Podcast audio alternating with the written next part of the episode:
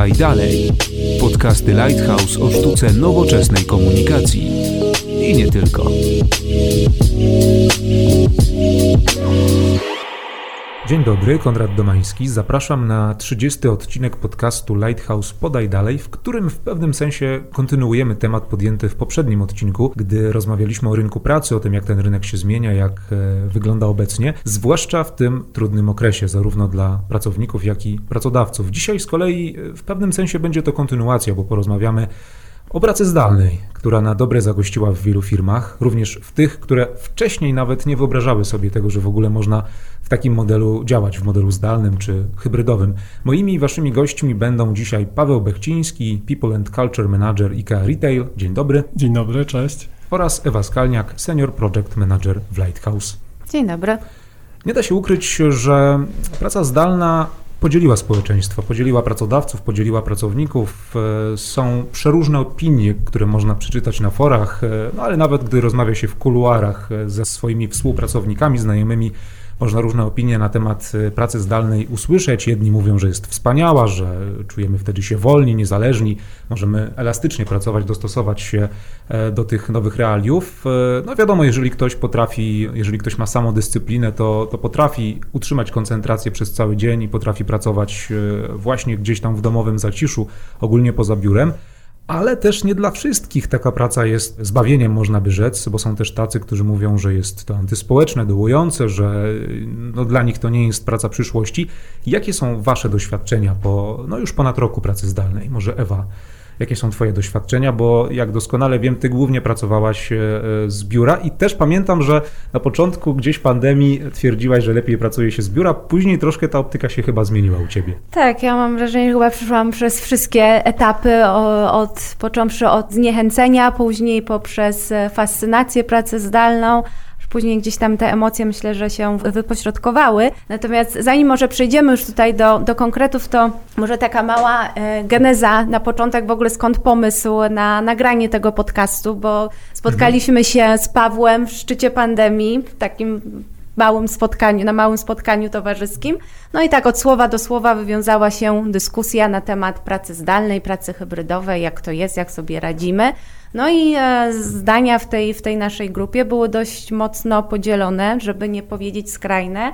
No i w pewnym momencie nasza wspólna koleżanka Daria, którą pozdrawiamy, jeżeli nas teraz słucha, powiedziała, że ej, słuchajcie, może to jest dobry pomysł na podcast i nagrajcie podcast na ten temat. Także no to było chyba już jakiś rok temu, natomiast no faktycznie spotykamy się, udało i na ten temat rozmawiamy i mimo, że też w tej nowej rzeczywistości, w tej, mm, z tą pracą zdalną wydawałoby się, że już jakoś się, w jakiś sposób się obyliśmy, bo już pracujemy ponad półtora roku, no to myślę, że budzi ona wciąż bardzo dużo, dużo emocji. Nawet przygotowując się dzisiaj do, do tego nagrania, przeglądałam różne publikacje w internecie na, na ten temat i cały czas jest bardzo mnóstwo, bardzo dużo artykułów, e, które poruszają ten temat, także widać, że ten temat wciąż jest e, żywy i, no, i ludzie chętnie się czytają materiały na ten temat, czy w ogóle się tym interesują. Ja w ogóle bardzo dziękuję za zaproszenie i cieszę się, że po roku możemy Uda, się... Najważniejsze, że się udało. Dokładnie. Dokładnie, najważniejsze, że nam się udało i zobaczcie,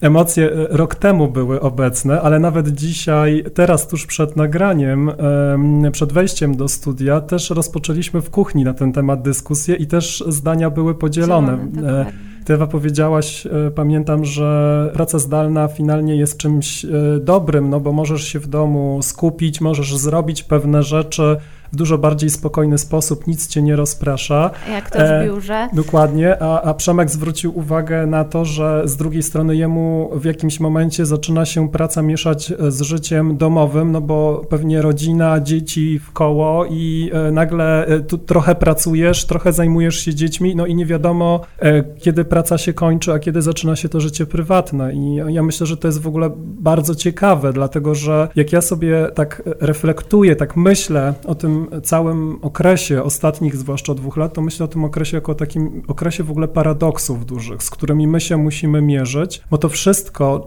e, w ogóle praca zdalna, e, nowe metody pracy, to wszystko jest dla nas nowe jako dla ludzi. My się tego uczymy, my szukamy dzisiaj wielu inspiracji, jak z różnymi wyzwaniami sobie radzić, więc super fajnie, że będziemy mieli szansę dzisiaj ten temat e, pogłębić i może naszych słuchaczy też zainspirować w jakiś sposób. Mówisz o tym, że musimy się dostosować. Ja zdradzę, że w Lighthouse już częściowo pracowaliśmy zdalnie, bo też mieliśmy taki model przyjęty, że jeden dzień w tygodniu, niezależnie, no wiadomo, że tam różne są okoliczności, czasami może być tak, że trzeba cały czas być w biurze, ale, ale jednak już ten model gdzieś tam, gdzieś tam był, a w tej chwili, no wiadomo, że, że hybryda jest jakby też tym, co jest najbardziej chyba popularne też w wielu firmach, prawda? Tak, myślę, że y, organizacje, duże korporacje wcześniej, jeszcze przed pandemią testowały różne rozwiązania i e, mówiło się e, o takich tak zwanych home office'ach, e, mhm. tak bym to nazwał, dlatego, że też przypomnijmy sobie, my wciąż w polskim prawie pracy nie mamy uregulowanej pracy zdalnej.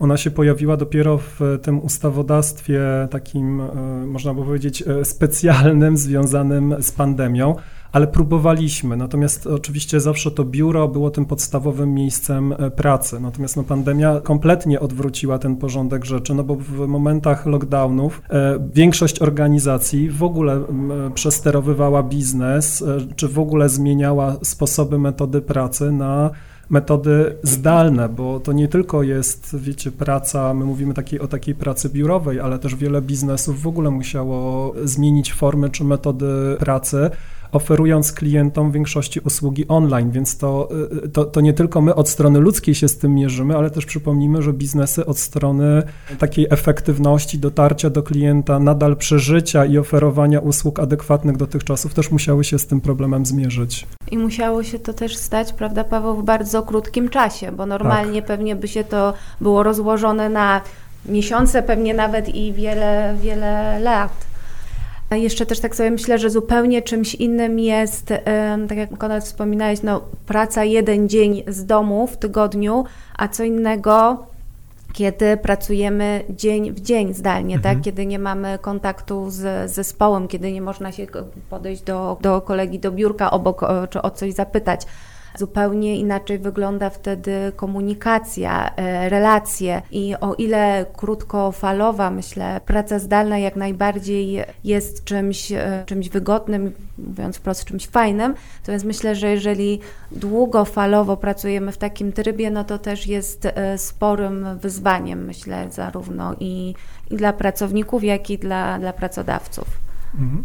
Wiesz, ja bym postawił raczej taką tezę, i ona jest mi bardziej bliska, że wszystko jest dla ludzi, tylko oczywiście wszystko zależy w jaki sposób e, pracujemy, jakie mamy metody, jak sobie z tym e, radzimy. I też przede wszystkim, co jest dla mnie zawsze bardzo ważne, no bo też w przypadku pracy zdalnej, takiej efektywności pracy zdalnej jest super istotne, żeby słuchać ludzi, ich potrzeb i tworzyć takie rozwiązania, które są dobre, dopasowane do potrzeb naszych jako, jako nas, ale też naszych klientów, tak, no bo biznes musi też się, e, też się toczyć. I teraz właściwie takie pytanie, które powinniśmy sobie postawić, no to właśnie pytanie, jak tworzyć efektywne rozwiązania e, dla pracy zdalnej, które mogą służyć e, takiemu podkreśleniu tych, tych dobrych jednak aspektów, które też w ciągu tych dwóch lat, zobaczcie, się wydarzyły, no bo mamy tak, przyspieszoną digitalizację, mhm. zupełnie nowe narzędzia, które wykorzystujemy w pracy, bo nie wiem jak wasze doświadczenie, no ale ja tyle, ile teraz pracuję przez Teamsy, I przez Zoomy. różne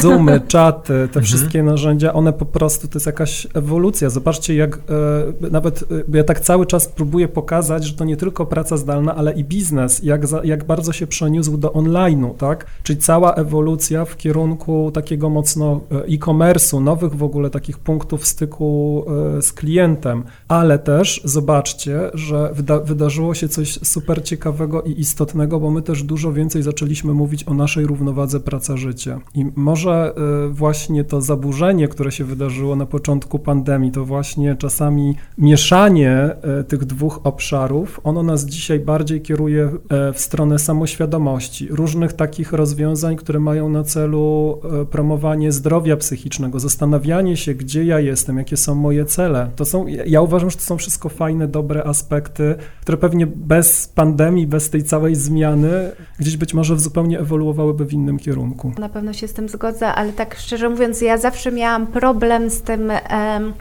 nie przepadam za określeniem work-life balance, dlatego mhm. że dla mnie praca, tylko teraz, żebym została dobrze zrozumiana, Praca jest nieodłączną częścią życia. Oczywiście e, bardzo sobie cenię swój e, czas prywatny i w pewien sposób to y, trzeba rozdzielać, żeby, żeby odpowiednio i zdrowo funkcjonować.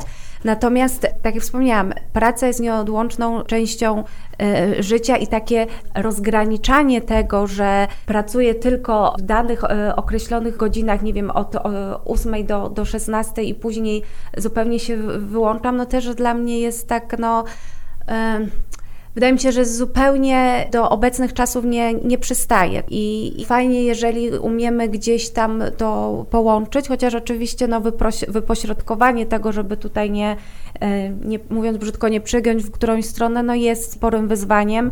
I nie wiem, Paweł, jakie ty masz doświadczenia, ale no ja na pewno zauważyłam, że faktycznie e, pracując z domu, pracuję więcej. Mhm. Co pewnie y, myślę, że wiele pracodawców mogłoby się być zaskoczonych czy zdziwionych, bo wydaje mi się, że też niestety wciąż gdzieś tam pokutuje takie przeświadczenie, że człowiek w domu no to robi e, przysłowiowe pranie, zajmuje się wszystkim innym, tylko nie tym, co, co trzeba. Chociaż też wydaje mi się, że pandemia się zmienia trochę tą, tą optykę i ta tendencja też idzie już w dobrym kierunku, że, że pracodawcy e, mają większe zaufanie zaufanie do swoich, do swoich ludzi, do swoich pracowników i że na koniec dnia tak na dobrą sprawę liczą się efekty, rezultaty, to co zrobiłeś, a nie ile czasu na tym spędziłeś, bo ja tak, jeżeli sobie patrzę na e, swój zespół, z którym pracuję, to na dobrą sprawę nie, nie interesuje mnie, co oni robią w ciągu dnia. Ważne jest dla mnie, żeby za, jeżeli są w stanie zrobić to pranie i w międzyczasie wykonać swoje obowiązki, to ja absolutnie nie mam z tym żadnego, żadnego problemu. To tak jak są te memy słynne z przedsiębiorcami. Dareczku, niestety nie jesteśmy w stanie u Ciebie zamontować kamer, więc nie mogę wysłać Cię na home office. Jest to też zależne dużo od e, zawodów, prawda, które wykonujemy, no bo są takie zawody, że możemy na pewno się wyłączyć i już po wyjściu, nie wiem, mówiąc, z zakładu pracy, zapomnieć o tym, co robiliśmy, ale są takie zawody, że tak jak mówi Ewa, no, przenikają się też mocno z y, życiem codziennym i nie da się zapomnieć od razu i pracujemy dużo więcej.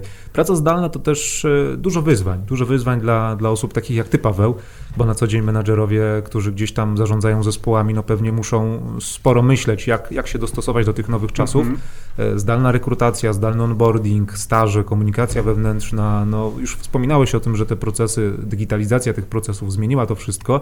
Jak skutecznie się do tego dostosować, zaplanować te wszystkie procesy? No jak taka Twoja codzienna praca się, można by rzec, zmieniła podczas pandemii? E, powiem Wam bardzo uczciwie, że to, czego ja się zwłaszcza nauczyłem e, przez te ostatnie dwa lata, to się oduczać. I to jest bardzo ciekawy, taki bym powiedział, trend w ogóle, w, który, o którym myślę, że niedługo się spe, spece od e, w ogóle uczenia ludzi czy budowania jakichś procesów będą, będą zajmować, dlatego że e, jedyne, co jest, słuchajcie, dzisiaj pewne, to jest ciągłość zmiany. Więc e, jak ja myślę z takiego najpierw wyjdę bardzo dużego obrazka, to myślę, że te procesy, które w ogóle tworzymy, muszą być dzisiaj bardzo elastyczne, dlatego że tak jak, zobaczcie, jak było dużo zmian, nawet nawet w ciągu ostatnich lat. Na przykład, wiecie, otwieramy, zamykamy, jest e, mhm. lockdown, za chwilę wracamy w jakiejś formie, później za chwilę się pojawia kolejna, e, kolejna fala, więc to wszystko powoduje, że my musimy być dzisiaj gotowi i funkcjonować e, po pierwsze w bardzo taki elastyczny sposób, dając też naszym pracownikom w organizacji, naszym podwładnym, jeżeli jesteśmy menadżer, menadżerami, takie poczucie, że z jednej strony właśnie e, oni się mogą czuć bezpiecznie, ale że z drugiej strony są też gotowi na, na ciągłą zmianę i taką dynamikę, więc jakby to jest jedna rzecz takie przygotowanie ludzi e, do, do ciągłego procesu zmiany i budowanie procesów, które są takie, bym powiedział, bardzo łatwe do szybkiego, takiego teraz się mówi zwinnego, e, zwinnej zmiany, czyli na przykład w procesie onboardingu możemy przewidzieć jakieś elementy, które są, załóżmy, które, które są po prostu realizowane fizycznie, które zakładają spotkanie, ale z drugiej strony ten sam element mamy przygotowany w wersji zdalnej e, i możemy z pracowników w błyskawiczny sposób zaprosić na Teamsa. Z z drugiej strony na przykład dla nas w kulturze IKEA na przykład jest bardzo ważne, żeby utrzymywać kontakt e, z biznesem. My organizujemy w ramach procesu wdrożenia tak zwane store daysy, które wiadomo w okresie pandemii muszą być wstrzymane, ale na przykład możemy już wprowadzić jakąś nową zasadę, że załóżmy w przeciągu jakiegoś okresu od e, otwarcia i takiego, wiecie, dając ludziom poczucie bezpieczeństwa, znowu zapraszamy ich do sklepów i realizujemy tak zwane front days, kiedy, kiedy taki nowy pracownik może przyjść i zobaczyć specyfikę pracy w retailu. Więc jakby to jest jeden aspekt. Drugi aspekt, o którym dzisiaj myślę, który y, też y, dotyka wielu pracodawców, to jest w ogóle taka efektywność, czyli myślenie kategoriami, jak pewne rzeczy robić dobrze, co jest y, naszym celem, co jest taką rzeczywistą potrzebą. To już nie są czasy kiedy przejdą długie, skomplikowane, zbiurokratyzowane e, procesy. Wszyscy myślą kategoriami oszczędności, więc też powinniśmy się uczyć, e, i to jest na przykład taka rzecz, którą kocham w kulturze IKEA, bo my mówimy o czymś takim jak prostota,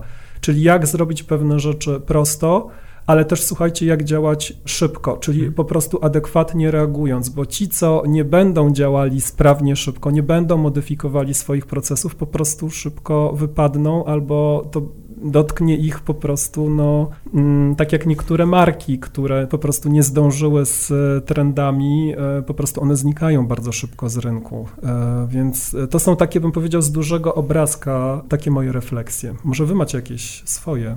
Aktualnie no, trzeba być bardzo, bardzo elastycznym i dostosowywać się do, do sytuacji, która aktualnie się dzieje. Też zauważyłam, że e, planowanie czegokolwiek długofalowo, no teraz absolutnie w żaden tak. sposób się nie sprawdza, bo po prostu zwyczajnie szkoda, szkoda na to czasu, bo sytuacja zmienia się tak dynamicznie, że ciężko jest cokolwiek, e, cokolwiek przewidzieć.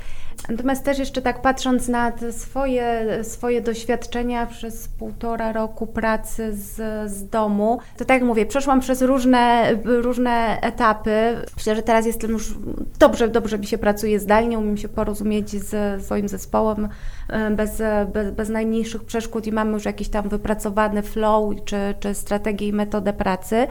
Natomiast cały czas też się zastanawiałam, i to może właśnie Paweł, pytanie, pytanie do Ciebie i nam opowiesz, jak e, wygląda, po części wspominałeś o tym, ale jak wygląda wdrażanie w ogóle nowych pracowników, którzy no właśnie w czasie pandemii musieli, no zaczyna, zaczynali nową pracę, bo to, szczerze mówiąc, mnie osobiście no dosyć, dosyć przeraża, bo o ile już funkcjonuję w środowisku, które znam, wiem, wiem kogo zapytać, znam swoje projekty i jestem w stanie sobie, e, sobie z tym poradzić i czy też współpracować z ludźmi, których znam od lat, no to jeżeli jest no, już samo wyobrażenie sobie mnie w nowej organizacji, w która pracuje tylko zdalnie, no jest y, sporym, y, no, sporym wyzwaniem. Także jak mhm. powiedz, jak to, jeżeli możesz oczywiście zradzić, jak to u Was e, wyglądało? Mhm.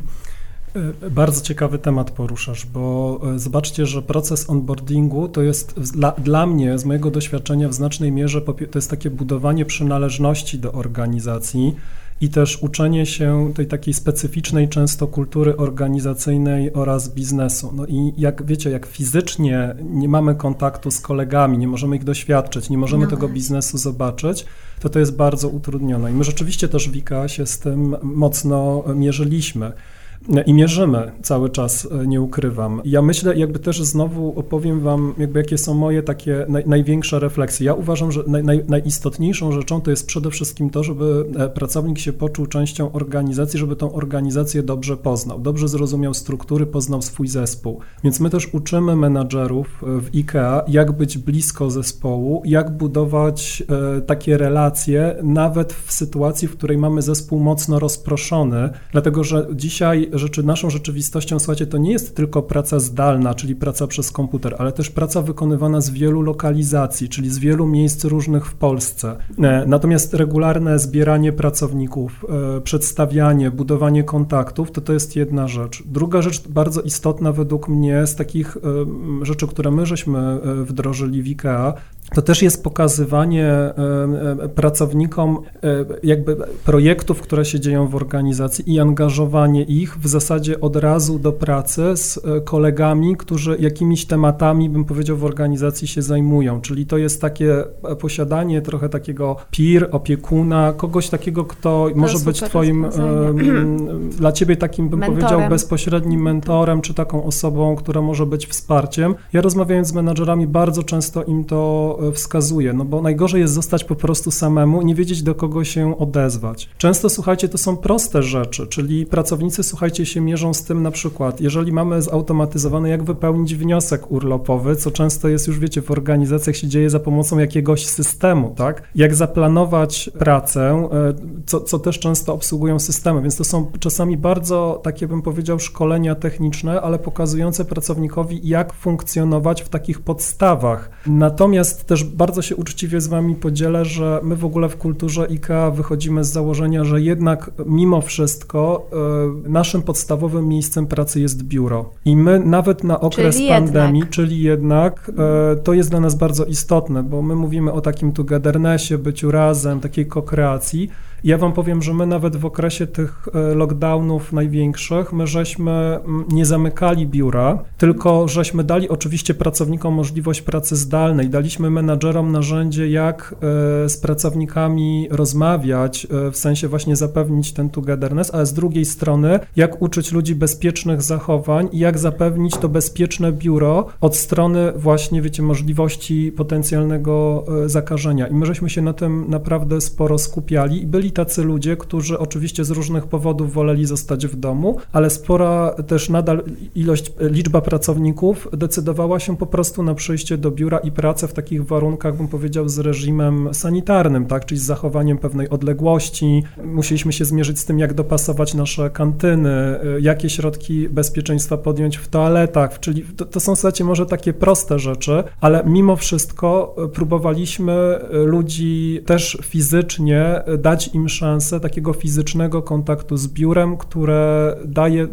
wiecie, tak, taki klimat trochę, taką oddaje kulturę e, organizacyjną, więc mimo wszystko w tym procesie onboardingu też staraliśmy się przewidzieć jakieś elementy do zrealizowania takiego fizycznego, takiego spotkania, które umożliwiałoby ludziom e, jednak, e, jednak być razem. I to też jest taka moja głęboka wiara, że taka wyłącznie praca zdalna to, to, to nie jest takie rozwiązanie, które jest w 100% takie, bym powiedział, dobre i, dobre i efektywne. Oczywiście, tak jak mówię, podkreślam, bo są ludzie w bardzo różnych momentach też życiowych, w różnych sytuacjach i zawsze powinniśmy na nie reagować ale też ważne jest dla nas, żeby właśnie pracownik miał możliwość albo dołączenia zdalnie, albo bycia fizycznie w ramach, e, w ramach możliwości. I to jest, to jest chyba takie, takie, taka rzecz, która myślę, że nam w bardzo takim znaczącym stopniu pomogła utrzymać tą jednak kulturę organizacyjną.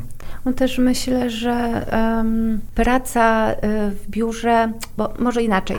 Zapominamy też, że e, biznes czy praca, którą wykonujemy, to nie są tylko konkretne zadania do wykonania, tylko my też E, zwłaszcza przynajmniej w mojej branży, w której ja się zajmuję, która w, same, w swojej nazwie ma relations, czyli my pracujemy z ludźmi, budujemy, budujemy relacje i bardzo, e, oczywiście jest to, nie chcę powiedzieć, że jest to awykonalne, natomiast e, no zdecydowanie ciężej jest to zrobić online i budowanie relacji wirtualnych czy zdalnych, no w moim mniemaniu no nigdy nie zastąpią jednak też bezpośredniego e, spotkania czy kontaktu z, z, z drugim człowiekiem.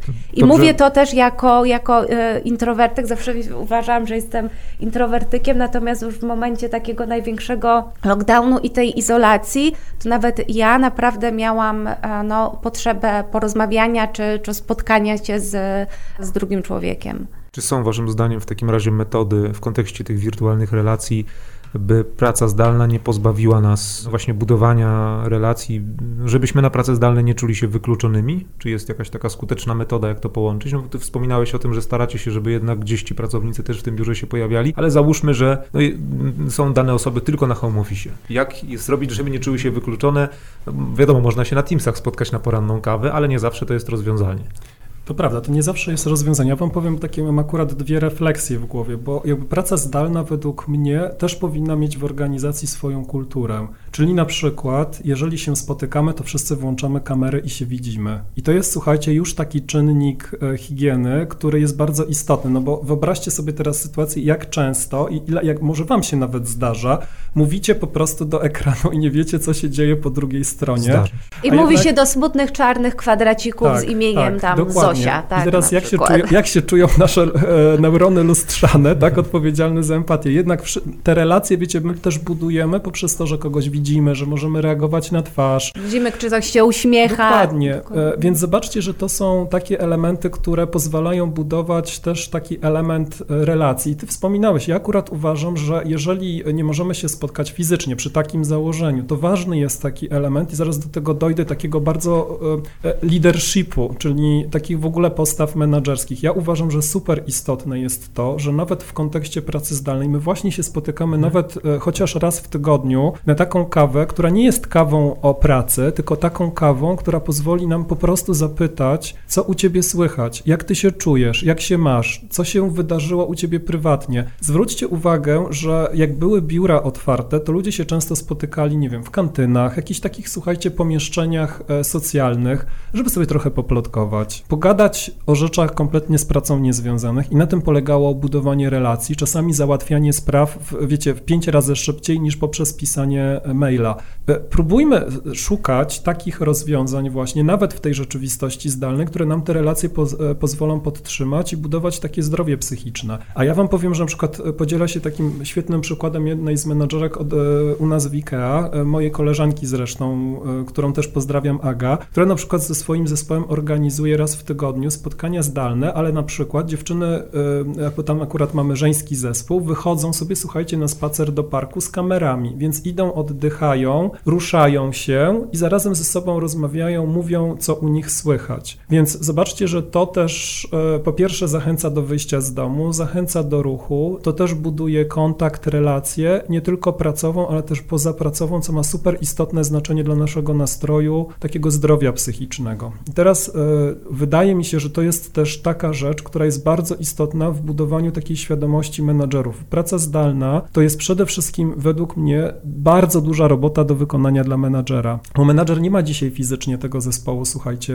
na miejscu. On musi budować ten kontakt w inne sposoby i być bardzo czujny na to, co się w zespole dzieje, ale no nie tylko w kontekście efektywności wykonywania i realizacji celów, co jest oczywiście ważne, no bo po to są organizacje, ale żeby te cele się realizowały, no to też chcemy mieć y, zdrowych pracowników, takich pracowników, którzy funkcjonują dobrze psychicznie, a w tej rzeczywistości, y, którą mamy, no może być z tym bardzo różnie. Ja nawet przygotowując się do spotkania czytałem raport jednej z dużych firm, y, wiem, że mogę ją nazwać, akurat firmy y, Medicover, która świadczy, jak wiecie, usługi takie związane z y, prywatną opieką medyczną, często dla korporacji I, i przedstawiciel tej firmy wypowiadał się, że słuchajcie, ilość e, wizyt u lekarzy, psychiatrów i psychologów w tym Wzrosła. ostatnim roku wzrosła o 50%. No więc ja uważam, że tutaj jest naprawdę duża rola po stronie menadżera. Jak menadżer chce pracować z takim zespołem? Paweł, a przepraszam, że Mhm. ci wejdę w słowo, ale powiedz,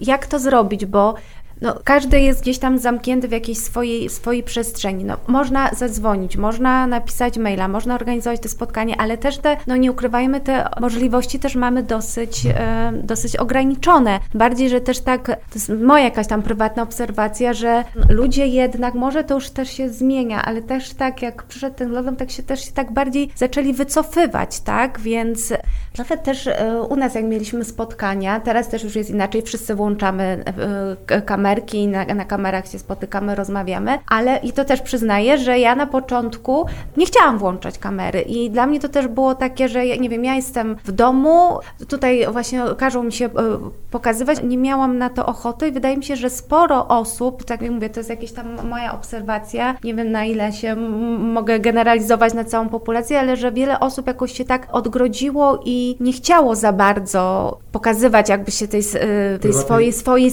jakiejś tam jednak tak, tak, strefy, strefy prywatnej, tak, że oni są w biurze i oni nie chcą, nie, nie chcą włączać kamery. Mówię, to już się później zmieniło, bo już też z tymi e, kamerami się, z zoomami, sami się oswoiliśmy. Natomiast, no, mówię, ja sama na początek miałam problem, nie chciałam włączać tej kamery. Mówię, teraz już, już, już to śmiga, bo już, bo już się przyzwyczaiłam, ale miałam z tym, e, sama miałam opory, tak? Mhm. Powiem Wam tak, że e, bardzo ważne jest rozumienie jakby indywidualnej sytuacji danego człowieka. Ja nadal będę to podkreślał i znowu uważam, że to jest bardzo często rolą menadżera, żeby rozumieć i wiedzieć, jak ten pracownik się czuje, jak on przeżywa różne elementy związane z pracą zdalną, bo ludzie mają, słuchajcie, czasami, e, tak jak ja, ja słuchałem moich kolegów w firmie, ludzie się mierzą z różnymi rzeczami, z tym, że na przykład nie miałem na początku biurka adekwatnego, dzieci mi biegają, dzieci nie idą do przedszkola, więc ja nawet nie mam czasu się czasami czasami, wiecie, umyć i e, mówiąc wprost, mam tłuste włosy, więc jak włączyć e, kamerę i jakby jak się czuć jeszcze w takiej sytuacji e, komfortowo. A może też czasami się trochę może wstydzę nawet tej przestrzeni, którą mam w domu, więc potrzebuję sobie włączyć tło. I taki mądry menadżer czy świadomy menadżer powinien mieć gotowość i umiejętność rozmowy ze swoim pracownikiem o jego potrzebach, gdzie ten pracownik jest, z różnymi takimi swoimi prywatnymi czasami tematami i powinien mieć taką wrażliwość, żeby umieć otworzyć dyskusję na ten temat. I to jest na przykład coś takiego, co my żeśmy w IKEA zrobili ostatnio, dlatego że bardzo żeśmy mocno wprowadzili taką kampanię, my ją nazywamy po angielsku Are You OK?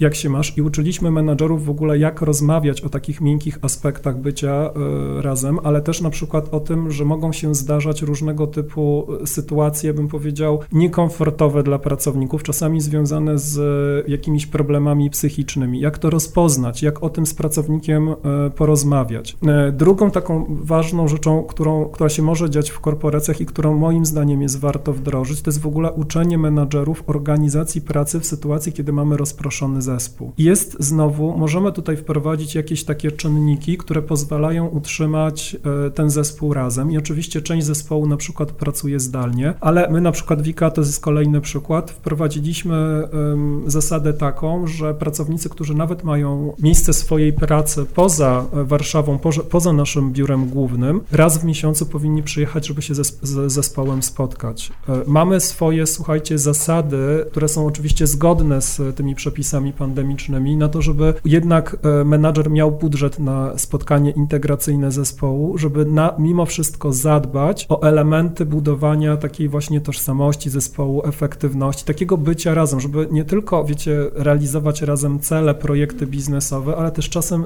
po prostu w zwykły sposób wyjść na pizzę, na jakieś jedzenie i żeby to po prostu zrobić. I słuchajcie, to nam się nawet udawało w sytuacji lockdownu i pandemii, no bo na przykład e, też mieliśmy ekstra przykład, tutaj Edyta, ciebie pozdrawiam, bo na przykład, słuchajcie, menadżerka wysłała do wszystkich swoich pracowników, którzy byli w bardzo różnych miejscach, też mieli różne prywatne sytuacje, że dojechać do biura nie mogli, wysłała drobne gadżety, jakąś czekoladę, jakieś ciasteczka, wszystkim, słuchajcie, prywatnie do domu, po czym wszyscy włączyli kamery i jedli te ciasteczka razem. Przy okazji, słuchajcie, rozmawiając czy robiąc jakieś ćwiczenia takie razem, po prostu będąc razem, nic więcej, nie, nie, nie rozmawiając znowu o pracy czy o celach y, biznesowych. Y, więc tego typu wsparcie, plus oczywiście, słuchajcie, myślę sobie dzisiaj, że bardzo istotne są też takie czynniki higieny nie tylko dla zespołu, ale dla całej organizacji.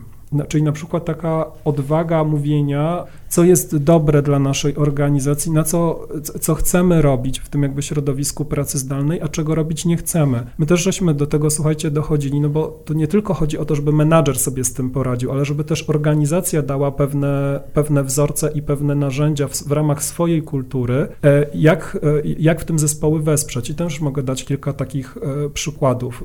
Ja uważam, że na przykład warto wprowadzić, no bo workload rośnie, czyli jakby o poziom obciążenia pracą, ale możemy zadbać o to, żeby no, na przykład umawiać w organizacji spotkania nie na 60 minut, a na 50 minut i się tego bardzo trzymać w kontekście takim, że po prostu to jest 10 minut przerwy higienicznej, że po prostu potrzebuję pójść do toalety, potrzebuję oderwać wzrok, potrzebuję napić się wody i my teraz znowu w IKEA bardzo mocno na to stawiamy. Inny przykład, planujemy obiad, czyli umawiamy się w organizacji, że pomiędzy godziną załóżmy 12 a 13 nie umawiamy sobie u nas w biurze głównym e, spotkań, czy staramy się tego nie robić, szanując, że to jest taki czas, kiedy po, powinna nastąpić jakaś taka przerwa obiadowa, przerwa higieniczna. Ustalamy sobie, w jakich godzinach wysyłamy maile, a po jakich godzinach tego z różnych powodów nie robimy, chyba że jest jakaś, nie wiem, sytuacja e, kryzysowa, szanując. Mm, Czas prywatny. Czas prywatny, ale też słuchajcie, czasami to nawet nie chodzi o czas prywatny, tylko to czasami chodzi o taką presję, którą się Mhm. tworzy. No bo ja jako menadżer, jak wysyłam maile o północy, to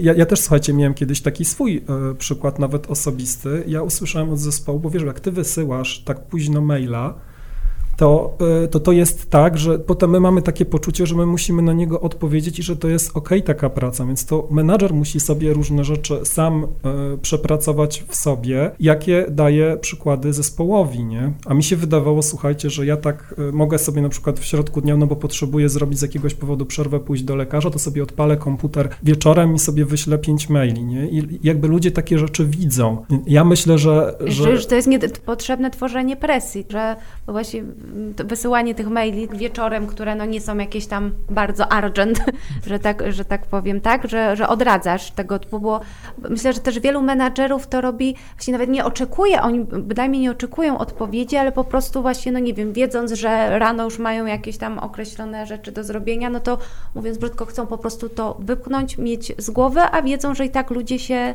zajmą tym rano, ale rozumiem, że odradzasz takie praktyki poza sytuacjami, kiedy jest to powiedzmy konieczne. Byłbym nieuczciwy, jakbym powiedział, że odradzam. Ja zawsze jestem e, zwolennikiem takiego To podejścia, zależy. że wiesz co, nie, raczej bym rekomendował uczciwą rozmowę z zespołem o tym, że może mi się to zdarzyć, dlatego że na przykład w ciągu dnia z różnych powodów nie mogę sobie zrobić przerwy. I taka uczciwa, i powiedzenie uczciwie na forum zespołu, ja od was tego nie oczekuję, to to jest taki świadomy leadership, tworzenie zasad w zespole. Dla mnie jest ok, jak wyślecie maila, jak skończycie pracę, bo zobacz, każdy, nawet Ewa powiedziałaś na początku, że dla ciebie jakby połączenie te, tego życia prywatnego i zawodowego jest, no tak, ja, ja to tak zrozumiałem, jest takie, że ty, ty gdzieś bliżej te, te, te, te dwa światy trzymasz. No one się dla mnie przenikają. One się dla ciebie nawet przenikają, Tak. a są tacy ludzie, którzy mają bardzo dużą potrzebę na przykład zakończenia pracy, bo mają potrzebę, że na przykład gubią kontakt z dziećmi i to jest zupełnie inna sytuacja. Oni potrzebują zamknąć pracę, wyjść z tej pracy po to, żeby mieć poczucie takie, że ja jednak temu dziecku w pełni poświęcam uwagę, kontakt i oni sobie nie mogą pozwolić na takie rozproszenie. I teraz ja uważam, że rozmawianie o tym, że zarówno twój, twoje podejście jest ok, jak i podejście takiego pracownika jest ok i jak możemy to pogodzić, nazywanie takich sytuacji, to daje ludziom, słuchajcie, poczucie takiej, ja, ja nawet, ja to mówię, kontroli w nieznanym, bo to jest taka, słuchajcie, znowu super ważna kompetencja, której dzisiaj wszyscy się powinniśmy uczyć, czyli leading unknown, radzenie sobie z tym nieznanym, z tym, że pewnych rzeczy nie przewidzimy. E, Też mówiłaś o tym dzisiaj, nie zrobimy planu strategicznego, jak się kiedyś robiło, nie wiem, 5 czy 10 lat do przodu, bo to będzie po prostu... Nie wiemy, co za pół roku będzie, nawet za Dokładnie. miesiąc, prawda? Ewa tuż przed spotkaniem też podesłała mi bardzo ciekawy wynik badania, ankiety serwisu lifecareer.pl, to też w nawiązaniu właśnie do tego work-life balance, o czym rozmawialiśmy. Okazuje się, że 51% Polaków lubi pracować zdalnie, więc pół na pół tutaj to, to jest. Podobny odsetek uważa, że ma to negatywny wpływ na równowagę między życiem prywatnym i zawodowym, więc jak widzisz Ewa, są tacy, którzy sądzą podobnie do ciebie, ale to, to, to raczej jest pół na pół. Z kolei dla niemal 70% badanych największym wyzwaniem jest odcięcie się właśnie od tej pracy po zakończeniu wykonanych obowiązków. Jak waszym zdaniem zatroszczyć się o work-life balance? Faktycznie to też chyba już dzisiaj wspominałam, że jest to w przypadku pracy zdalnej dosyć, e, dosyć trudne, bo to oczywiście mówię o, o swoim doświadczeniu, że jeżeli ten e, komputer w domu w jakiś tam cały czas pracuje i powiedzmy o tej 17 nigdzie nie muszę wyjść, no to siłą rzeczy nawet już zajmuję się jakimiś tam swoimi prywatnymi sprawami, ale gdzieś tam zerkam, e, zerkam na ten komputer. W momencie, kiedy przychodziłam albo chodzę do biura, bo teraz pracujemy hybrydowo, to jednak no, wyjście z pracy jest takim dla mnie takim symbolicznym momentem, że zamykam te, te drzwi i, i przestawiam się na inne tory. Oczywiście czasem gdzieś tam się w głowie jeszcze różne tematy pracowe kotłują, to też bym skłamała, że, że tak nie jest, ale no po prostu opuszczenie biura jest takim e, symbolem dla mnie, że, że teraz okej okay, Ewa, teraz jest na inne mhm. rzeczy pomyślisz, pomyślisz o tym jutro. W momencie, kiedy pracujemy z domu, e, no ja przynajmniej e, tak, tak nie mam i faktycznie zauważyłam i to też gdzieś tam w różnych raportach, które, które przeglądałam, przygotowując się do spotkania, no to wiele osób potwierdza też tą teorię, że pracując zdalnie e, pracujemy, pracujemy więcej i z pewnością na pewno, znaczy na pewno jest to też ciężko połączyć czy rozdzielić to osobom, no, które mają rodziny, bo tak jak Paweł powiedziałeś, no, zupełnie inaczej pewnie wygląda życie, nie wiem, e, singielki, która mieszka sama w, i ma całe mieszkanie do dyspozycji, jest panią swojego czasu, a zupełnie inaczej e, ojca, e, który też chciałby spędzić czas z dziećmi, więc wtedy no, w jego przypadku myślę, że rozgraniczenie tego, tej pracy i czasu rodzinnego, no wtedy jest, jest kluczowe i wtedy no, trzeba postawić jakąś tam wyraźną granicę, tudzież kropkę, że nie wiem, o tej 17 powiedzmy 15 zamykam komputer i koniec, zajmuję się e, teraz e, tutaj swoją rodziną, a do tematów pracowych powracam jutro. Ale no, na pewno jest to ciężkie, myślę, że jeszcze wiele osób i wszyscy będziemy się z tym mierzyć przez e, no przez wiele, wiele lat. Też mi tak takiej refleksji teraz skłoniłaś, jak zaczęłaś mówić. E, jak pracujemy właśnie w IKEA z tym tematem takiego workloadu, prawidłowym takim rozdzieleniem pracy i życia prywatnego, to używamy takiej metafory maski tlenowej. Ja bym każdemu dzisiaj. E, najpierw sobie. Najpierw sobie, potem innym, dokładnie. Ka każdy powinien sobie odpowiedzieć na pytanie, co jest Twoją maską tlenową. I teraz słuchajcie, wydaje mi się, że w dzisiejszych czasach jest super ważne, e, żeby mieć różne sfery aktywności, takie, które nam pozwalają też wyjść z pracy, o których powinniśmy pamiętać, które sprawiają nam przyjemność, które są dla nas ważne. Dla jednych to będą, słuchajcie, relacje z przyjaciółmi, nie zapominajmy o tym, czy z bliskimi, czy z rodziną i ważne jest, żeby do tych bliskich podejść, skupić się na nich. Po drugie, dla jednych to, dla mnie na przykład, słuchajcie, to jest sport. Ja nie wyobrażam sobie życia, że nie, nie wiem, nie idę cztery razy w tygodniu na trening, bo e, to mi pozwala w ogóle zupełnie, e, wiecie, odstresować się, odreagować tak bardziej fizycznie. Czy na przykład, wiecie, ktoś, ktoś czyta książki. Pamiętajmy o swoich pasjach e, i o tym, żeby też na nich się skupiać, mieć na nie czas, bo praca jest super, ale kiedy możemy do niej wracać, a nie jak jesteśmy w niej ciągle, tak? I to też jest taka, taka ważna rzecz. Więc dzisiaj to jest taki właśnie ważny moment dla nas wszystkich, budowania samoświadomości, takiego odpowiadania sobie, co jest dla mnie ważne w życiu i skupiania się na tym. Dbania o dobre relacje, bo one, słuchajcie, też nam przecież dużo dają. To to relacje, nasi bliscy są często dla nas właśnie takim buforem bezpieczeństwa. To w ogóle, wiecie, w psychologii kryzysu to jest, e, mówi się o tym, że taką pierwszą i podstawową rzeczą, którą się powinno sprawdzić, kiedy mamy taką osobę, z którą pracujemy, która jest w jakimś głębokim kryzysie z jakiegoś mm. powodu, to jest właśnie sprawdzić, czy ona ma odpowiednie takie bezpieczniki w swoim środowisku, innych ludzi, którzy pozwalają się wygadać, wesprzeć, przytulić, czasami, wiecie, zaopiekować, przypomnieć, że trzeba jeść, no, czasami są też i takie, słuchajcie, sytuacje radykalne, no więc pamiętajmy, co, jeszcze odpowiadajmy sobie na pytanie i przypominajmy sobie, co jest tą naszą maską tlenową. To jeszcze tak w ramach podsumowania naszego podcastu, troszkę o prognozach z chęcią bym na koniec z Wami porozmawiał. Mianowicie o tym, jak Waszym zdaniem będzie wyglądać e, praca, no tak może to brzmi kolokwialnie, praca przyszłości, biuro przyszłości. Na pewno moim zdaniem tego, co było przed marcem, pamiętnym marcem 2020 roku, no nie ma i nie będzie. Nie wyobrażam sobie powrotu do, do takiej pracy biurowej e, dzień w dzień. Czy zapewne takie firmy funkcjonują, natomiast wydaje mi się, że, że na dłuższą metę to się im nie sprawdzi, bo ludzie się zmieni. Cała sytuacja rynkowa w ogóle się zmieniła, zmieniło mhm. się podejście ludzi. Ludzie mają też zupełnie teraz inne oczekiwania, już też sprawdzili się w jakiś tam sposób w, w, w tej pracy zdalnej, tak jak Konrad mówiłaś, no jednak 50 chyba 1%, tak, czyli no spora część osób jest za, za tą pracą zdalną, czy też za hybrydą. E, także wydaje mi się, że y, no, hybryda jest tutaj takim naj, najsensowniejszym, e, najsensowniejszym rozwiązaniem, które w jakiś tam sposób powinna być zarówno satysfakcjonującym rozwiązaniem i, i, i i dla pracowników, i, i dla pracodawców. Myślę też, że niewątpliwą też zaletą w ogóle no, pracy zdalnej czy pracy hybrydowej jest to, że i to chyba jakoś nie, nie wspomnieliśmy jednak, Paweł, o tym, że tak na dobrą sprawę, bo tak skoncentrowaliśmy się bardzo na tym lockdownie i siedzeniu w domu, ale zapominamy może o tym, że równie dobrze przecież możemy sobie pracować, będąc w jakimś, nie wiem, egzotycznym miejscu, czy, czy, czy gdzieś w, w górach, że nie musimy być mm, przywiązani do określonego jednego miejsca, jak byliśmy wcześniej, do biurka e, w, na open space, tylko teraz możemy swoje obowiązki równie dobrze i rzetelnie wykonywać tak na dobrą sprawę z każdego miejsca e, na ziemi, a jednocześnie no, pracując, no też sobie zapewniamy tam stabilizację finansową i myślę, że to też jest bardzo, bardzo ważne w kontekście nawet już no, wyjścia z pandemii. Miejmy nadzieję, że te czasy nastąpią. Ja się w pełni z Tobą zgadzam. Ja myślę, że y, będziemy według mnie szli bardzo mocno w kierunku modeli jakichś mieszanych. Hybrydy. Taki hybryd, jakkolwiek je nazwiemy, to będzie, jak, będą moim zdaniem takie modele, które no, będą adekwatne. Natomiast ja też bardzo mocno wierzę, że nadal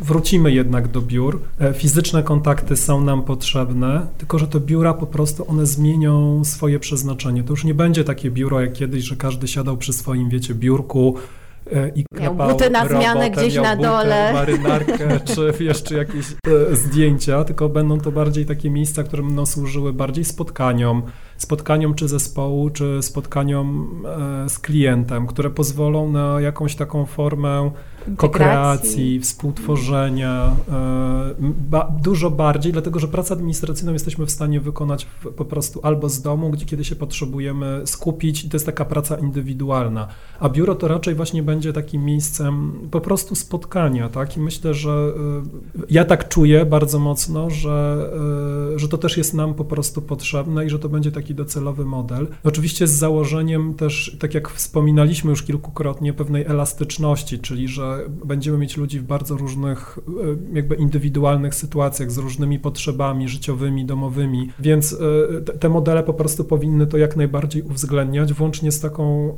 możliwością pracy z wielu miejsc. Dzisiaj na przykład bardzo ja się zastanawiam mocno, jak rząd ureguluje, czy w ogóle kraje uregulują chociażby pracę z zagranicy, która też z wielu powodów jest dzisiaj jeszcze taka, bym powiedział, e, zagadkowa, bo chociażby ze względu na różne kwestie podatkowe.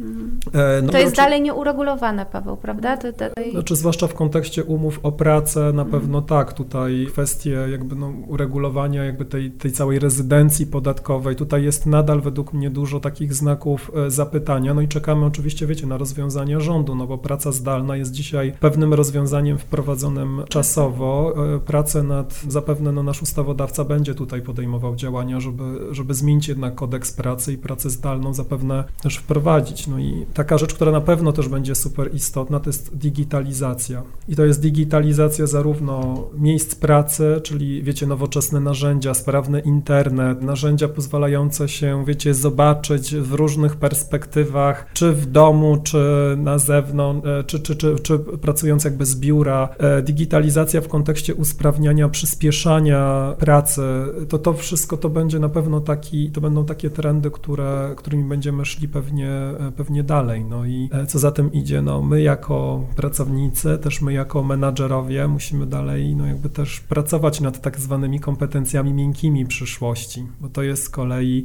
też bardzo duży, ciekawy temat i też być może mógłby być bardzo fajnym e, pomysłem na kolejny podcast. podcast. Ale myślę, że chyba też puentą może dobrą takiego tego naszego dzisiejszego odcinka będzie to, że koniec końców i tak e, liczy się, liczy się człowiek liczą się relacje i owszem, nowe technologie bardzo nam w tym pomagają i jak najbardziej z nich e, korzystajmy, ale że no jednak mamy, w, i to myślę, że też jest jakoś tam pozytywne i budujące, że jednak mamy wciąż potrzebę no, kontaktu i bycia z, z drugim człowiekiem, tak. I tego żadna digitalizacja i nam, nam nie zastąpi. Tak, po prostu dojdą dodatkowe formy. Myślę, że te tradycyjne nie znikną, nadal te potrzeby według mnie będą, natomiast po prostu dochodzi cały wielki wachlarz innych możliwości spotykania się, budowania relacji, ale też zobaczcie, robienie, na przykład budowania kontaktu z klientem, w ogóle budowania biznesu. To jest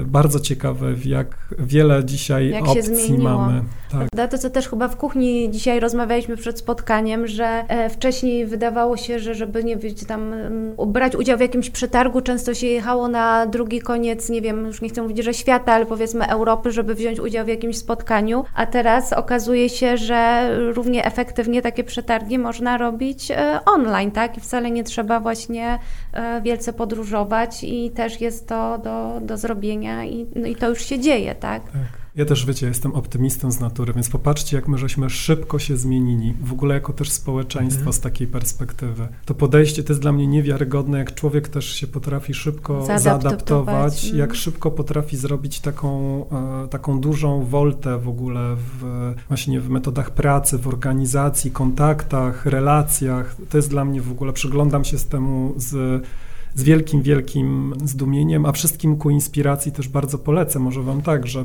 w ogóle wyszła ostatnio świetna książka Hatalskiej, e, Wiek Paradoksów, Mhm. która też dużo mówi właśnie o takiej digitalizacji, o przyszłości, o technologiach. Bardzo polecam, żeby się właśnie zmierzyć, poczytać, poinspirować.